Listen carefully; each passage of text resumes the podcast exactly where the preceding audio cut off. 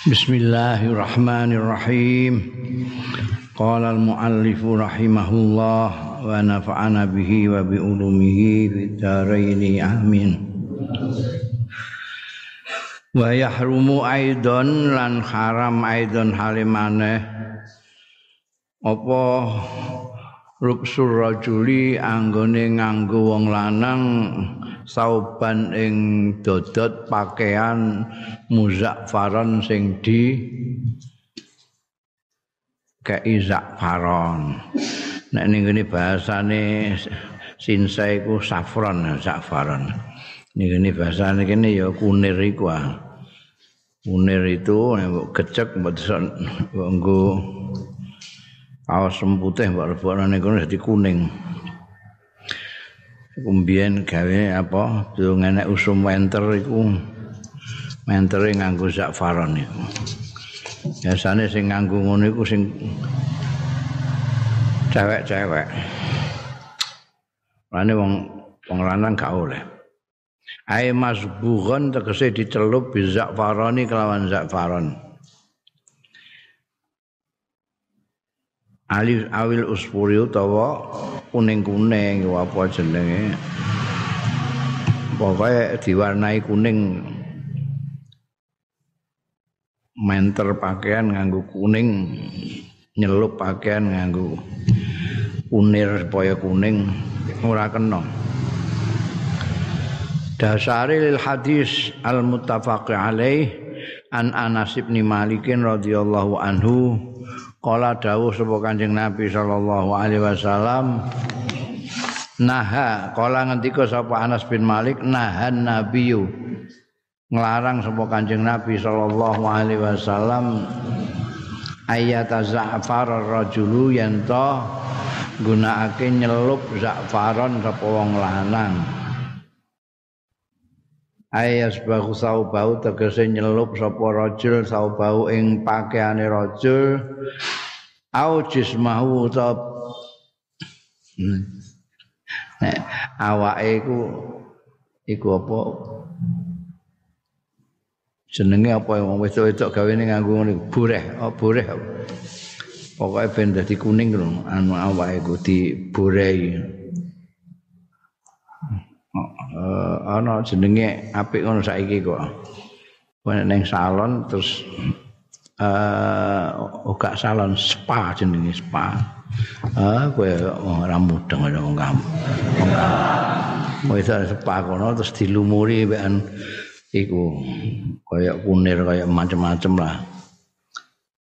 dilabur ngono kae terus di rendam beberapa lama terus awake jadi kuning. Ini iku gak oleh, kang wong lanang ngono gak oleh, iku kok ngomong wedok. Ora trimo pakaiane jismah, bisa faroni kelawan zakfaron. Sefron utawa unir. Wa zakfaron utawa zakfaron iku apa sih? Zakfaron iku nabatun asfar.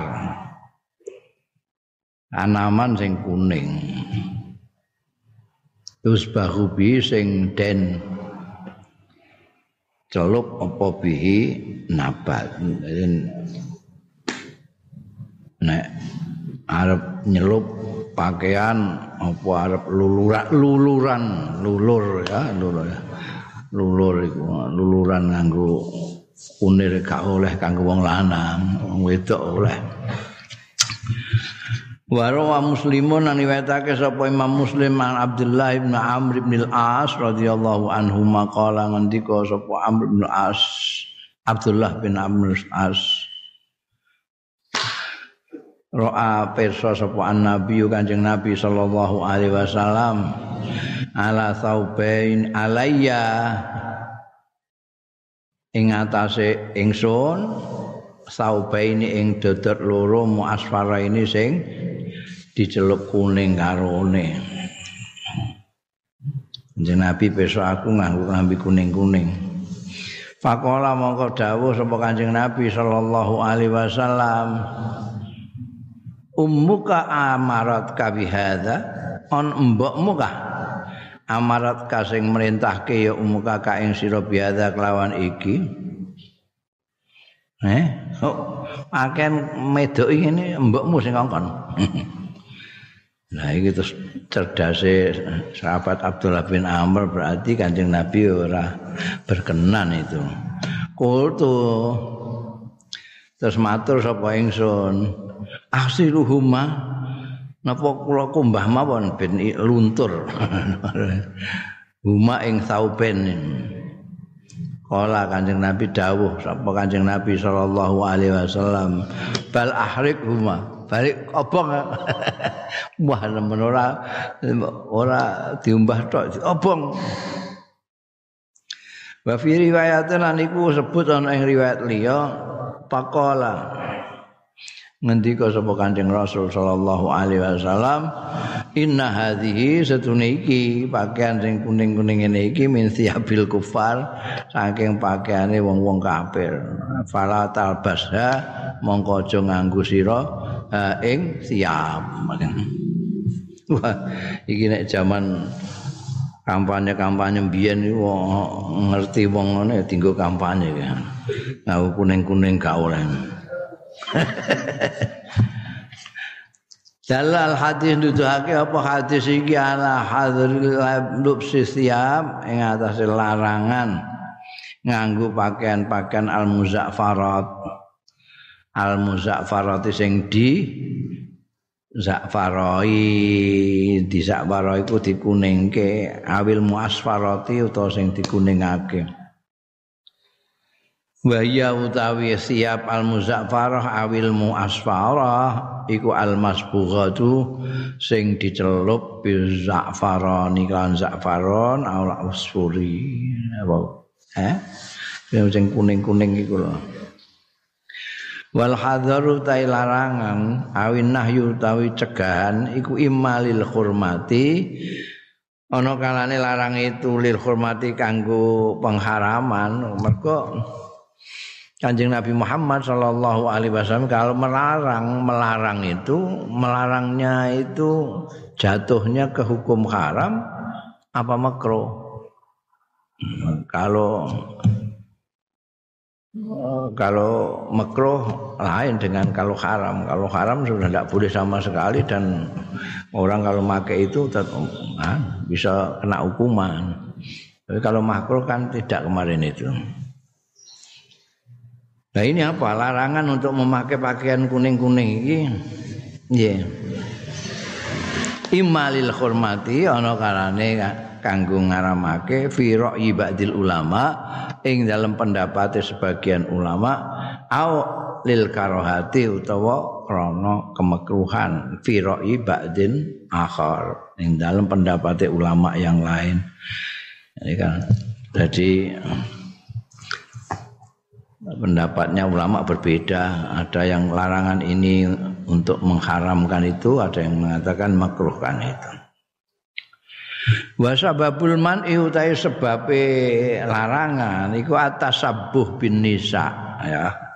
Nyerupani bin nisa kelawan wong-wong wadon.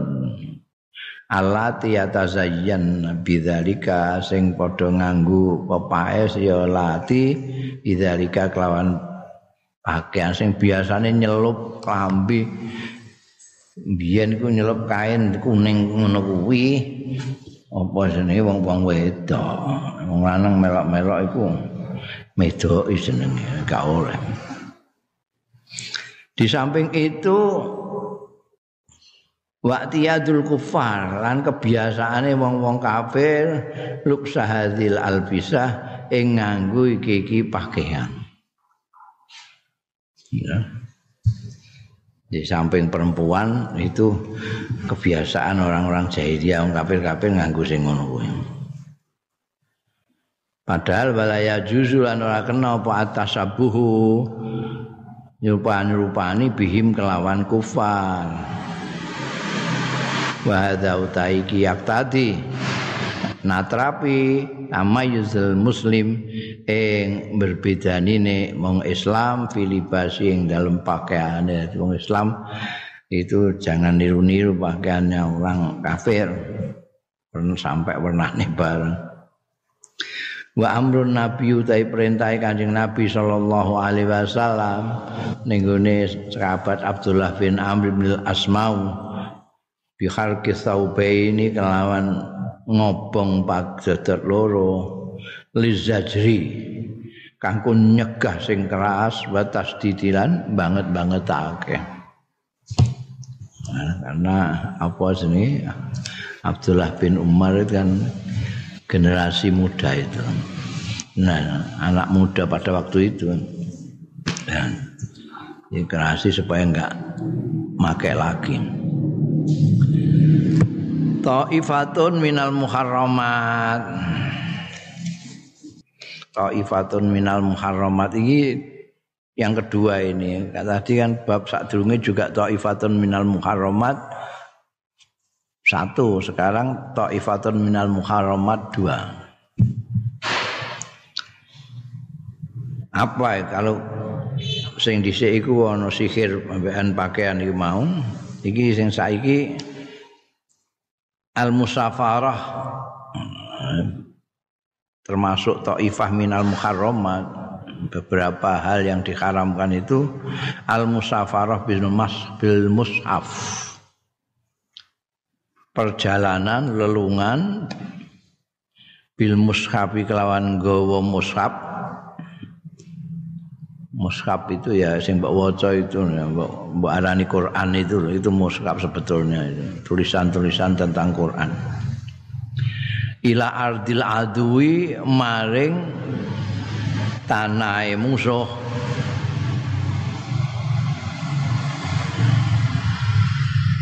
kita sedang bermusuhan dengan Belanda, tidak boleh kita menuju ke tempatnya Belanda, ke daerah jajahan Belanda kita membawa Quran tidak boleh, bawa mushaf tidak boleh.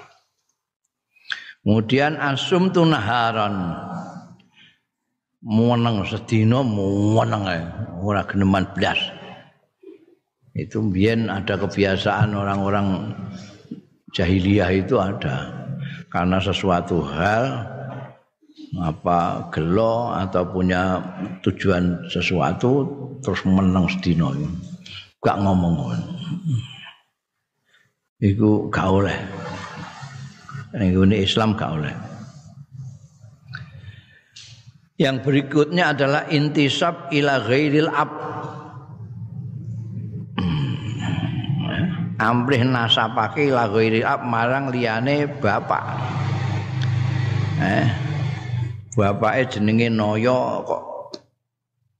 Wah iki kok ketoke kok gak pantes ngene aku. Anggota DPR kok bapake Noyo. Terus mbok mbok wae mbok wae ora bin Noyo tapi bin Soeharto wah Wah. Bine bin bin presiden wah. Haram tak oleh. Anak jadi.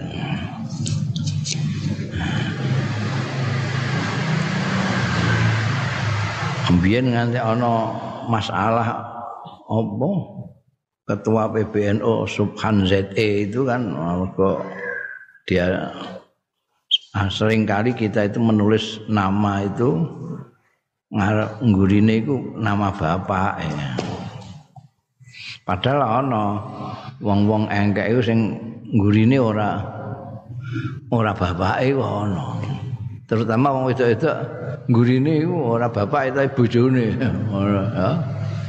Apa? Ora apa bapake jenenge Naya tapi bojone jenenge Suta. Eh, Sumini Suta. Ngono gak Sumini Naya, Sumini Suta. Tapi itu ndak dimaksudkan intisab seperti ini.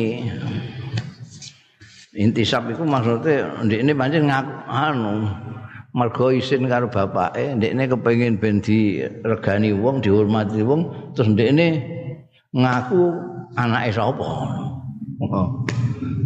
Aku iku bin Raden Amangkurat. Oh ngono misale. Iku sing gak oleh. Hadi anwaun minal af'al al muharramah utawi iki iku macem-maceme minal af'ali saking pira-pira perbuatan al muharramati sing diharamake. Kena apa diharamno lima fiha minad darar. Krana barang fiha kang tetep ing dalam af'al bayane minad darari nyatane kemelaratan. wa tasabuhi lan nyerupa-nyerupani bi amalil jahiliyati lawan perbuatan-perbuatane wong-wong jahiliyah. Wal ikhlali lan ngrusak bin nasabi kelawan nasab. Eh nasab. Wah, iku mestine nek kowe pancen Gatot Kaca, mestine bine iku Bima. Werkudara kok. Bima niku mboten saged basa ya. Sampai kula bin anu mawon bin Yudhistira mawon gak oleh. Ikhlal bin nasab ngrusak bin nasab. Wa ihdar ihdar dan ihdar itu melecehkan merusak juga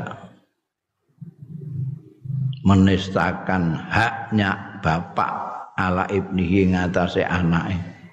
Wong sing bapakmu kok. Kowe mbok genti jenenge wong liya mergo kepengin mok pengen gagah ngono ae. Kowe berarti melecehkan haknya bapak terhadap anak. Fa'alal muslim mongko wajib ing ngatasé wong Islam tahasyi hadzal af'al utawi ngedoi iki-iki perbuatan wong Islam aja ngantek melakukan perbuatan ini. Madama selagi ini ono sapa muslim ono iku min ahli imani saking ahli iman. Seperti pernah saya katakan bahwa orang muslim itu ada yang iman, ada yang tidak. Orang muslim yang iman disebut mukmin, orang Islam yang tidak iman itu disebut munafik. Jadi kebalikannya Islam itu kafir, kebalikannya iman itu nifak. Jadi, karena orang yang mukmin itu orang yang percaya luar dalam njaba jero. Sedangkan wong munafik iman njaba tok jero gak. Nah ini gini, muslim madhama min ahli imam. Kalau orang muslim itu merasa mengakui dirinya sebagai mukmin harus menjauhi perilaku itu. Bapak-bapak itu kok gak diakoni. Ngakoni wong liya. Wal iman utai iman iku yadfa'uhu mendorong ya iman hu ing muslim ilah tirami nidhamihi maring menghormati tatanane iman. Wal bu'd wal bu'd lan ngedoi an muhakatil musyrikin saking nyerupani wong-wong musyrik fi jahiliyatihim ing dalam kejahiliane musyrikin wa taqalidihim lan tradisi-tradisine musyrikin albaliyati sing wis rusak. Biyen biasa wong musyrik wong jahiliyah iku biasa. Ora rada merasa merasa hina dengan ayahnya dinasabkan ke ayahnya terus dia cari siapalah yang kita lebih dihormati orang stempel no jenengi ning kono. Iku tradisi-tradisi sing wis samoh wa asatirihimul mas'umah lan asatir asatir asatir ku apa legenda-legenda orang jahiliyah al-mas'umah yang hanya dugaan anggapan-anggapan ae. Oh, apa jenenge meneng apa meneng sedina iku iso ndadekno iki iku. Dadi tradisi. Ndak boleh kita menyerupai itu ndak boleh Amma safaru bil mushafi ana dene. Bepergian bil mushafi kelawan go mushaf ila ardil adui maring wilayah musuh. Fahuwa haram. Fahuwa mongko utahe safar iku haramun haram perhatikan redaksinya ini penting redaksinya itu. Ardul adu kita sedang bermusuhan dengan siapa? Itu musuh. Jadi kalau mbien orang-orang muslim di Medina itu musuhnya orang-orang Mekah. Jadi orang-orang muslim Medina tidak boleh kalau ke Mekah bawa mushaf. Tidak boleh Nah, kalau kita ya dengan londo dulu. Misalnya daerah mana yang diduduki Belanda. Kita sedang berjuang melawan Belanda. Tak boleh orang pergi ke daerah kekuasaannya Belanda itu kita membawa muskap tak boleh. Jadi harus mbok manani terus ning negeri ini orang kafir gitu. Mereka orang kafir ana sing musuhi kita ada yang tidak. Yang saiki nek mbok ngomong kafir kowe wis gak iso nggawa kok padahal mushaf iku saiki ning gone HP. ning HP-mu ana mushaf iku. Mana sing imami nganggo HP barang ngono kok. Kono mushaf. Ini gak entuk digawa. Fahuwa haramun iku kudu dibakas dhewe iku. HP nek nek mushaf sing gone HP piye ngono.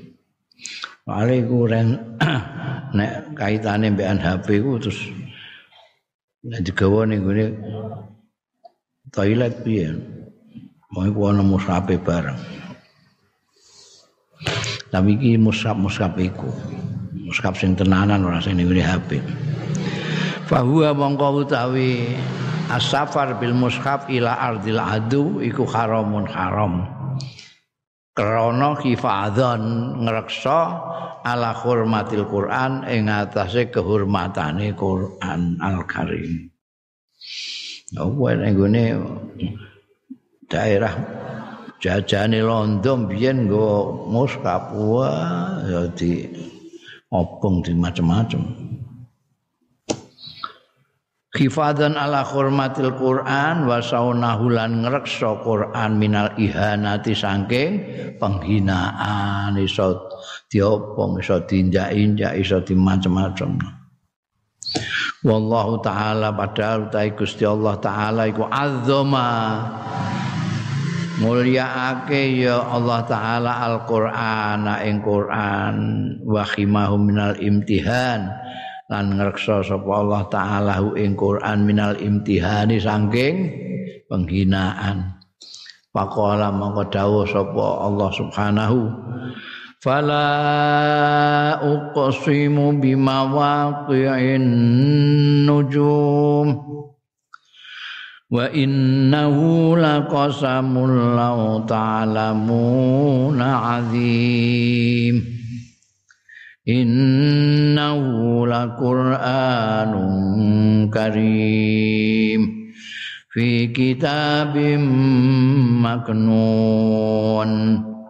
La yamassuhu illal mutahharun. Tanzirum min rabbil Fala uksimu mongko demi ya. Sumpah so panjenengan ingsun bimawakiin nujum kelawan panggonan-panggonane lintang-lintang. Tempat-tempat beredarnya bintang-bintang. Wa innahu lan setuhune kosam bimawakiin nujum lako samun yakti ku merupakan sumpah. Lau tak lamun nek kowe ngerti lamun ngerti sira kabeh merupakan sumpah azimun sing agung banget. Sumpah nyumpah ya apa?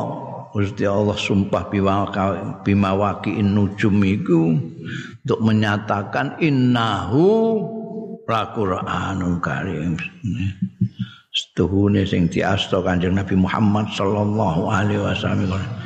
Iku Quran yang mulya fi kitabin maknunin ing dalam kitab sing tersimpan. Laya masuhu sing ora kena ngepok hu ing kitab maknun. Sapa illal mutahharun.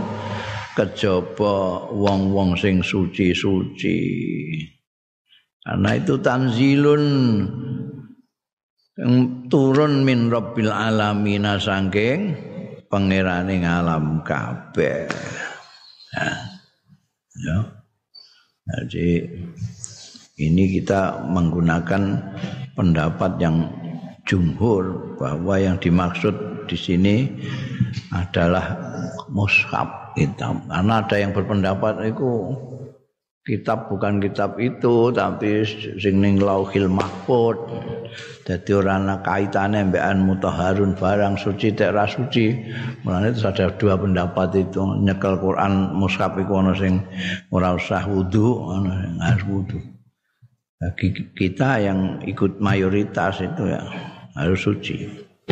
Dan itu yang dikarepno ning kene ya ya kuwi mushaf kuwi karena itu suci karena diagungkan oleh Allah Subhanahu wa taala maka harus dijaga kehormatannya. Jangan sampai dibawa ke wilayahnya musuh nanti bisa dihinakan oleh musuh. Waqad sarrahan nabiyyu bi hurmati hadzal safar.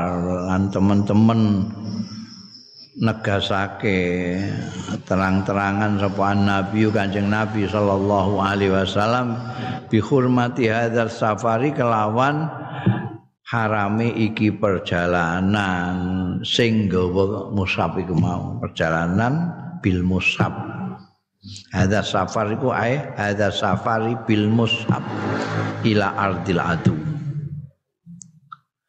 fi hadisin muttafaqin alaih kesebut ana ing hadis muttafaq alaih an ibni Umar saing sahabat Abdullah bin Umar radhiyallahu anhuma qala dawuh sapa Abdullah bin Umar naha nglarang sapa Rasulullah sallallahu alaihi wasallam ayu safira ayu safara yang dilakukan perjalanan bil Qur'ani lawan gawa Quran ila ardil adui maring tanah musuh. Ayu safara bil Quran ento di adakan perjalanan apa bil Qur'ani kelawan Quran ila ardil adui anu macane dalal hadis nuduhake apa al hadisu hadis iki? Ala hurmatis safari ing atase harame perjalanan. Bil qur'ani kelawan gawa Quran ila diaril a'dai maring perkampungan-perkampungane musuh-musuh. Daerah-daerahe musuh hatta la ya ta'arrad hatta la ya ta'arrad hatta la ya ta'arrad sehingga ora mentokake lil ihana. La yu ta'arrad la yu ta'arrad aja la ya ta'arrad goleki faile barang la yu ta'arrad sehingga ora dihadapkan ya Quran lil ihanati marang penghinaan minhum saking a'da ta'arrat itu e, mentokake dipentokake lil ihana. E, memberikan peluang musuh untuk menghinanya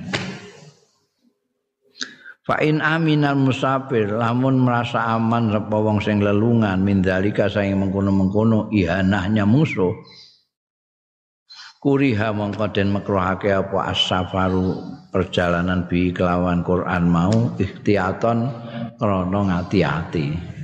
Ya. Secara prinsip tidak boleh haram.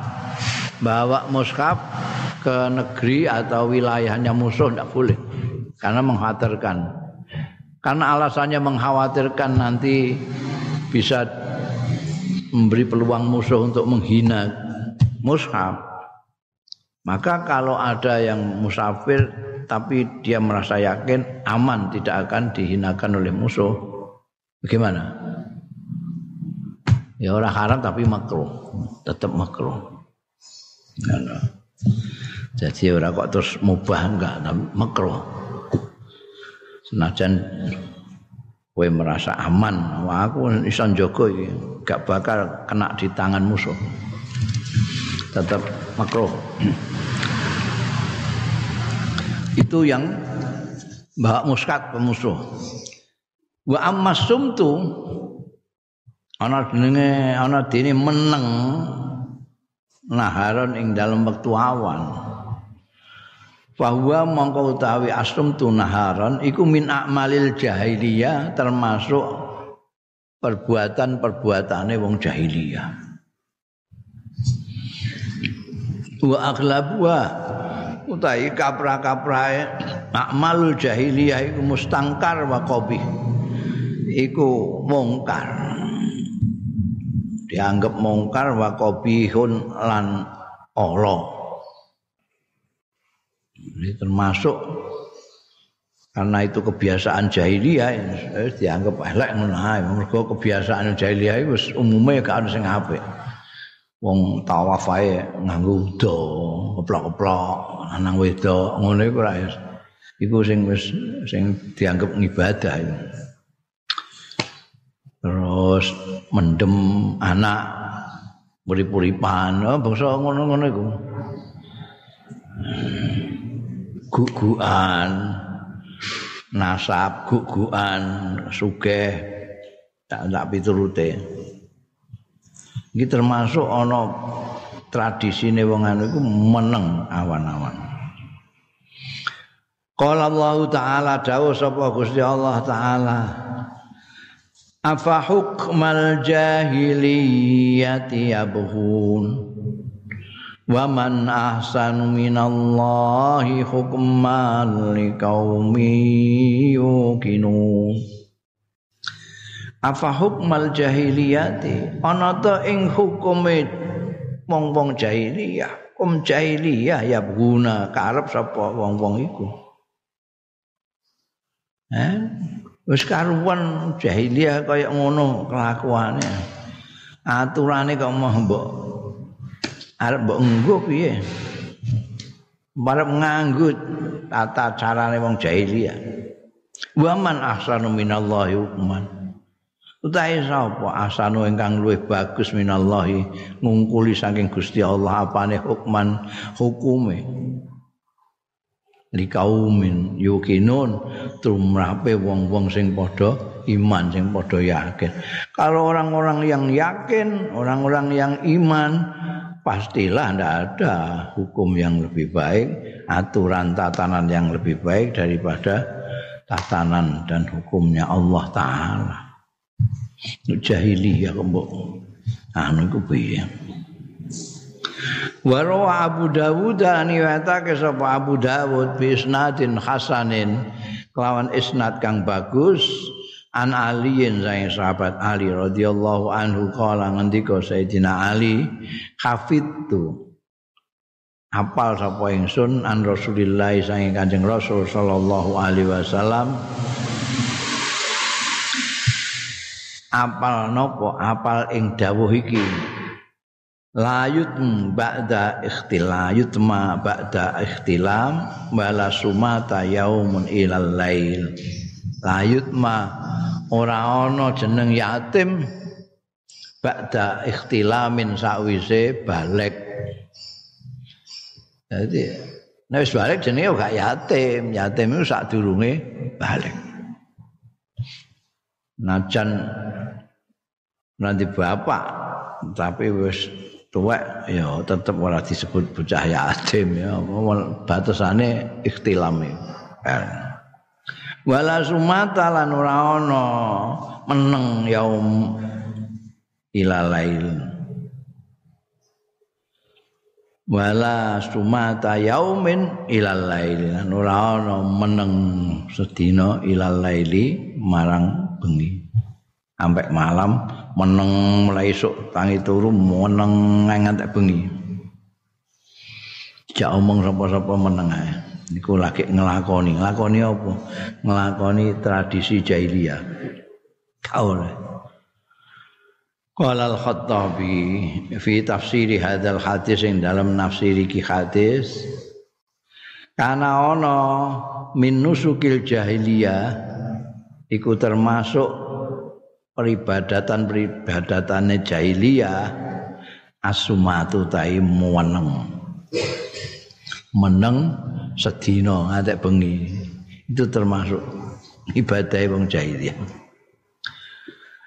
Iku sing ngandani sapa? Ya pendhita-pendhita sing njaga-njaga brahala-brahalane iku.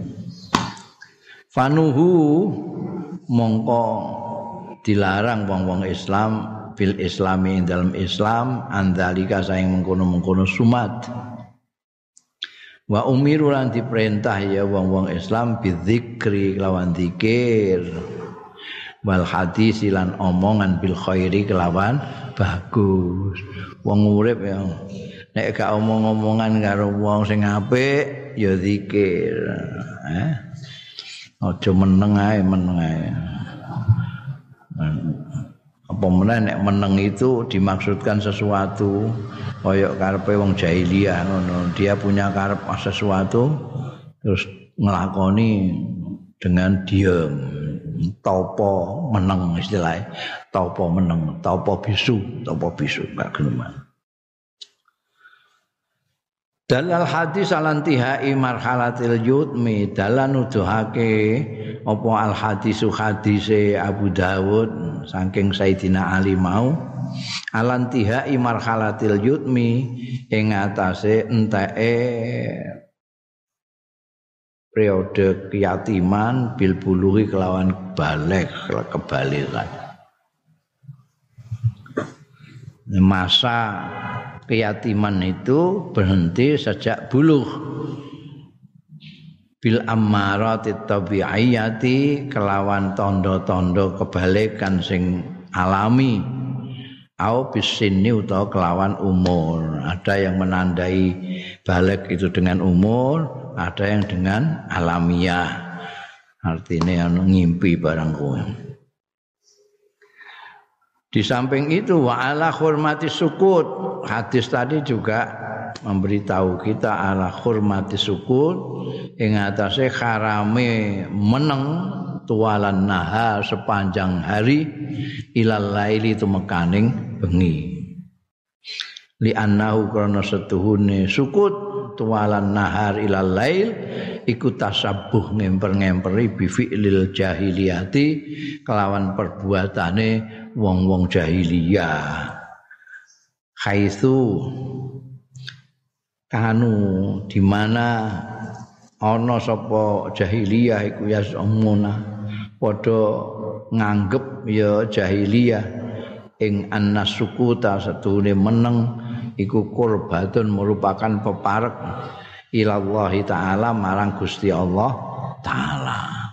Mereka punya anggapan neng itu betulnya kan eh, suatu tradisi-tradisi itu sebetulnya aslinya itu tradisi baik. Sejak Nabi Adam ya, tradisi itu dibawa oleh Nabi Adam api suwe-suwe terus do elek-elek elek zamane keturunan kesekian Nabi Nuh wong elek-elek kabeh. Nabi Nuh diutus untuk ndandani ini. Berpuluh-puluh tahun gak kasil mau iso untuk bangsa pitung puluhan anggota liyane disikati kabeh karo Gusti Allah arek Nabi Nuh ambekan pengikutnya itu yang enggak sampai 100 itu ning Bahtera itu. Kemudian karena semuanya habis, jadi Nabi Nuh beserta anak buahnya yang ada di kapal itu itu orang baik semua. Jadi nanti mentradisikan hal-hal yang baik semua. Terus beranak pinak, beranak cucu, bercucu buyut, bercanggah waras terus ngladrah meneh, ngladrah meneh. Ini yang asalnya sembayang madep wono terus geti madep ngetan, madep ngidul segala macam itu. Tetap kayak sembayang tapi wis berubah. Tambah suwe tambah suwe terus ora ana sembayang barang. Terus mantek akhirnya Gusti Allah ngutus utusan meneh dandani neh ngono neh jarak yang lama antaranya ini eh, nabi-nabi utusan-utusan yang memperbaiki tradisi itu akhirnya menjadikan tradisi-tradisi baik diselewengkan mengalami distorsi. Ya, bareng wis tekan gone Kanjeng Nabi Muhammad sallallahu alaihi wasallam. Itu orang Mekah itu ya sudah haji masamu durung haji. Haji itu bukan dimulai dari Kanjeng Nabi Muhammad sallallahu alaihi wasallam, sudah ada sejak zaman Nabi Ibrahim. Cuma terus wis berubah ndak karu-karuan, mengalami distorsi. Mereka juga tawaf setiap tahun. Itu mereka ngumpul dari mana? Makanya sampai Abrohah mau ngambil kan karena merasa cemburu ini kok. Mekah ini kok menang-menangan iso perdagangan jadi situ jadi pasar dunia. Setiap tahun itu ya seperti sekarang. Sekarang setiap tahun kan orang memberikan devisa kepada Saudi. Karena banyaknya orang yang datang ke Mekah itu. Mbah umroh mbah haji. Dulu itu ya begitu. Orang datang dari mana-mana. Ya tawaf, tapi tawaf sudah tidak seperti yang diajarkan Nabi Ibrahim sak pengisar itu. Ora ana keplok-keplok, ana udo, terus ning Ka'bah dipasang braula pirang-pirang, jejer-jejer Terus ana menang barang ini. Mungkin mungkin dia itu plesetan daripada apa iktikaf itu. Iktikaf kan menang, menang, menang minggu di masjid. Iki enggak sedino menang terus. Gak geneman, gak ngomong, gak apa. Jadi itu yang kemudian dilarang. Kayak ini tawaf keplok-keplok dilarang tawaf ngang udo dilarang harus pakai pakaian harus suci sak piturute ya atur kembali nah ini nah. suwen iki saiki wis 15 abad ya. kok Kanjeng Nabi Muhammad sallallahu alaihi wasallam sekarang sudah mulai ada yang model-model eh model-model Materno orang.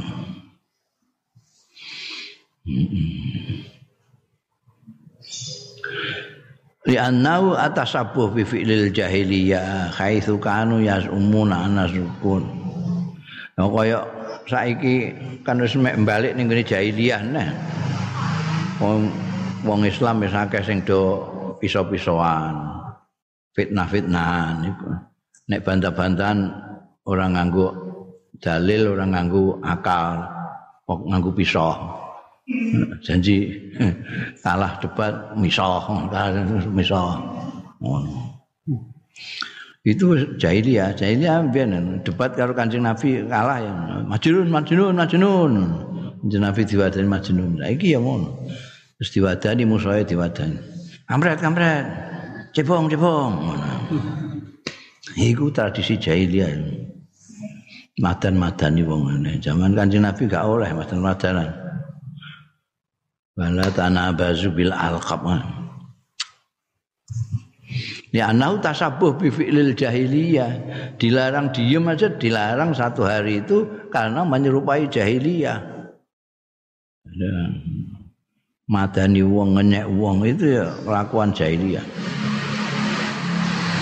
Mereka rumangsane wong jahiliyah itu itu bagian dari ibadah mereka.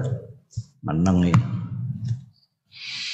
Warawal Bukhari yang riwayatake sapa Imam Bukhari ang Qais bin Abi Hazim qala Nandika sapa Qais bin Abi Hazim dakhala Abu Bakrin Siddiq Malpet sapa Abu Bakar As-Siddiq radhiyallahu anhu ala imra'atin min Ahmas ing atase wong wedok min Ahmas saking kabilah dari klan Ahmas nama suku ini Ahmad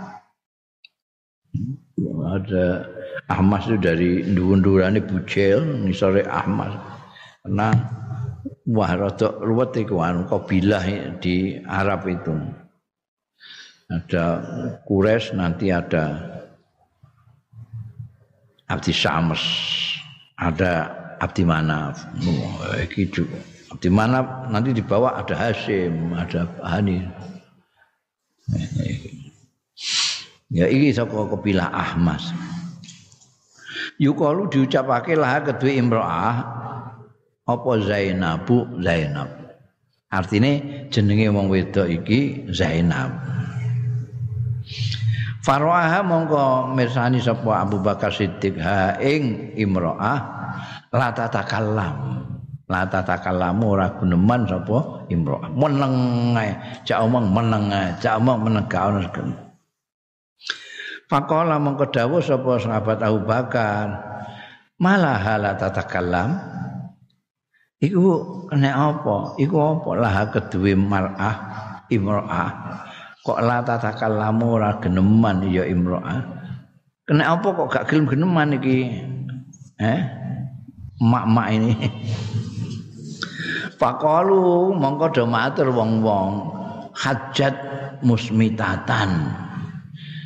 nyambake nembe niat ya imroah musmimatan ing topo bisu musmimatan pokoke kepengin nyambake iki nganggo tradisine wong jahiliyah hajat musmintatan arep mbane nejo meneng sedina. Ya meneng sedina. Cara kene ini jenis topo bisu. Faqala laha mongko dawuh sapa sahabat Abu Bakar Siddiq laha marang imro'ah takallami gunemana sih beda. Fa inna hadza mongko sedune iki. Meneng ngono ae iku la yakhilu halal. Hadza min amalil jahiliyah. Utawi iki perbuatan sing mbok tiru iku meneng ae iku amal jahiliyah. Perbuatane wong jahiliyah. Lamat monggo geneman sapa imro'ah. Lho biyen itu rakyat jelata barang iku nek dikandani barang iku ya langsung manut ngono ya Wah, saiki ya ditakoki dalile napa? Ngono. Ditakokno dalile. Apa? Eh? saiki ana wong ngandani ngono takokno dalile barang iya sing dawuh sahabat Abu Bakar ya sudah iki ora halal iki mono tradisine wong jahiliyah ya jembok tiru. Leren terus geneman apa? Fatakalamat afada menai pengertian menai faedah. Apa al hadis hadis iki kasabiki kaya sing disiki sing disiki hadis iki. Menai pengertian hormatal imsak ing harame ngekeranil kalami sange guneman bin nahari ing dalem awan waktu awan. Seperti hadis apa jenenge? Sayyidina Ali mau juga itu kan tidak boleh. Gak geneman sehari. Wa inna ma yundabul irsad ilal khair angin pestine dianjurake apa al irsad nuduh-nuduhake kayak sahabat Abu Bakar memberi pengertian kepada Imro'ah tadi. Irsad bimbing ilal khairi marang kebagusan. Min amrin bima'rufin nanging perintah bima'rufin kelawan ma'ruf wa nahyin lan nyegah mungkarin saking kemungkaran. Iku kan harus ngomong. Eh amar ma'ruf meneng-menengan iki ngerak kaya apa wong bisu. Wa ta'allumin wa ta'limin mulang eh belajar wa ta'limin lan mulang. Wa ghairi dzalika lan liyane mengkono-mengkono kabeh itu jadi jangan diam sehari itu kan bisa ada zikir, bisa memberitahu orang, bisa amal ma'ruf, bisa nahi mungkar, bisa belajar, bisa mengajar. Semuanya itu menggunakan cangkem lah. Ora geneman ku piye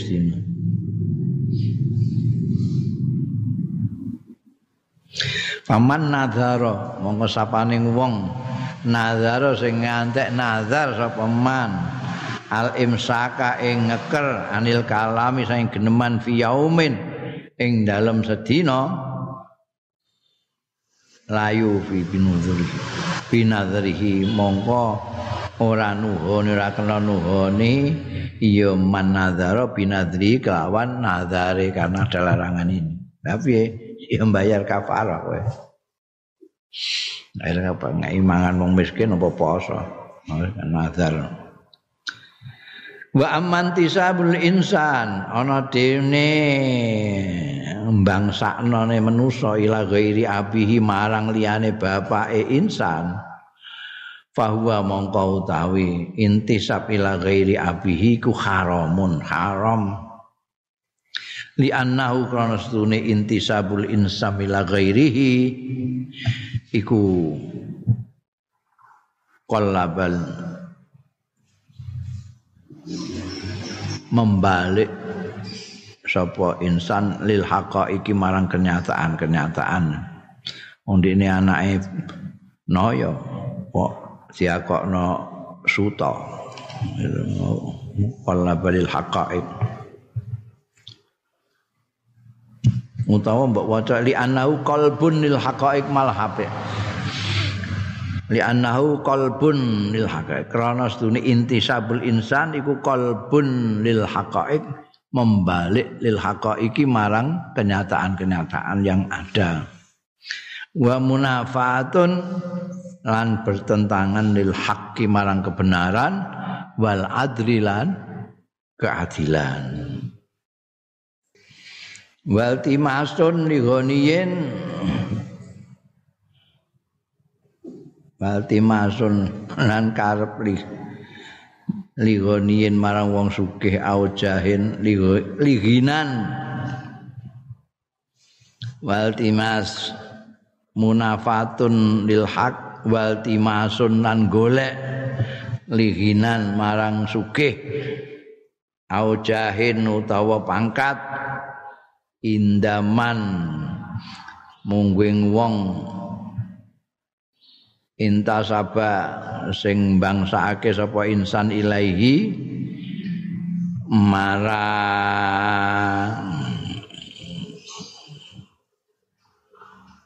indaman untusiba ilaihi ngono aya wa indaman ana sandingi wong untusiba kang den nisbati apa ilaihi man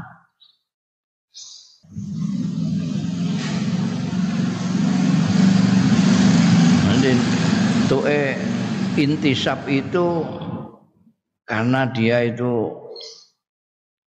ngunggulek penggawean ben untuk duit ngebodoni wong.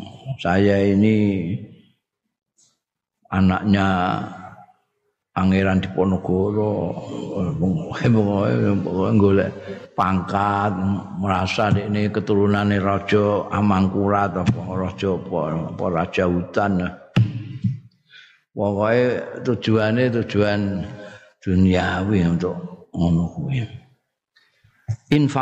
Aliman haram itu haram. Intisabul insam ila ghairi abi. Itu haram karena menyalahi kenyataan yang ada bertentangan dengan kebenaran.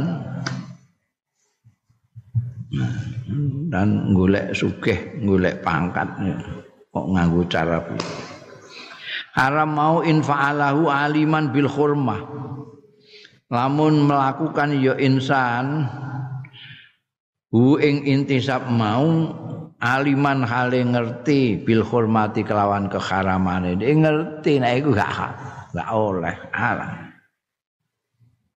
wa kana lan ana ya insan iku mustahilan nganggep halal lahu marang intisab no jadi kalau orang itu tahu bahwa itu haram dan dia menganggap halal Allah halal halal. Itu tidak boleh. Tidak boleh Nah, kadang-kadang ana ana wong sing apa blokon lugu ngono kuwi, nggo gagah-gagahan, eh terus dene nganggo bin-bin orang-orang terkenama, orang terkenal. Saya ini bin Soeharto, binaan bangsa ngono. Itu tidak separah ini. Kalau ini memang sengaja, ngerti nek itu haram. Tidak boleh. Kenapa ndak boleh? Lil amril Qur'ani bil ihsan krana perintah sing bangsa Quran bil ihsani kelawan gawe bagus ilal walidaini maring wong tua loro. Quran itu jelas-jelas menegaskan bahwa kita itu harus bagus ngabekti mulyakno wong tua loro. Termasuk di antaranya ya ngakoni. Ini orang mbak akoni kan bertentangan ya. Bertentangan. Ya melecehkan bapakmu. Mesti ngelahirno menyebabno kue ono ning gone iki bapakmu kok terus mbok akok-akokno wong liya. Ya itu berarti melawan perintah Quran ya al-ihsan lil walidain wa subutu haqqin nasab lan tetepe hak nasab lil abi kedue bapa. Nyata iku aktene barang jelas gitu kok. Noyo ngono aku ana suta. Walima sabata min ahadis di samping karena perintah Quran untuk baik dengan orang tua dua dan bapak itu sudah jelas salah satu orang tuanya. Juga lima sabata krono hadis sabata kang tetep.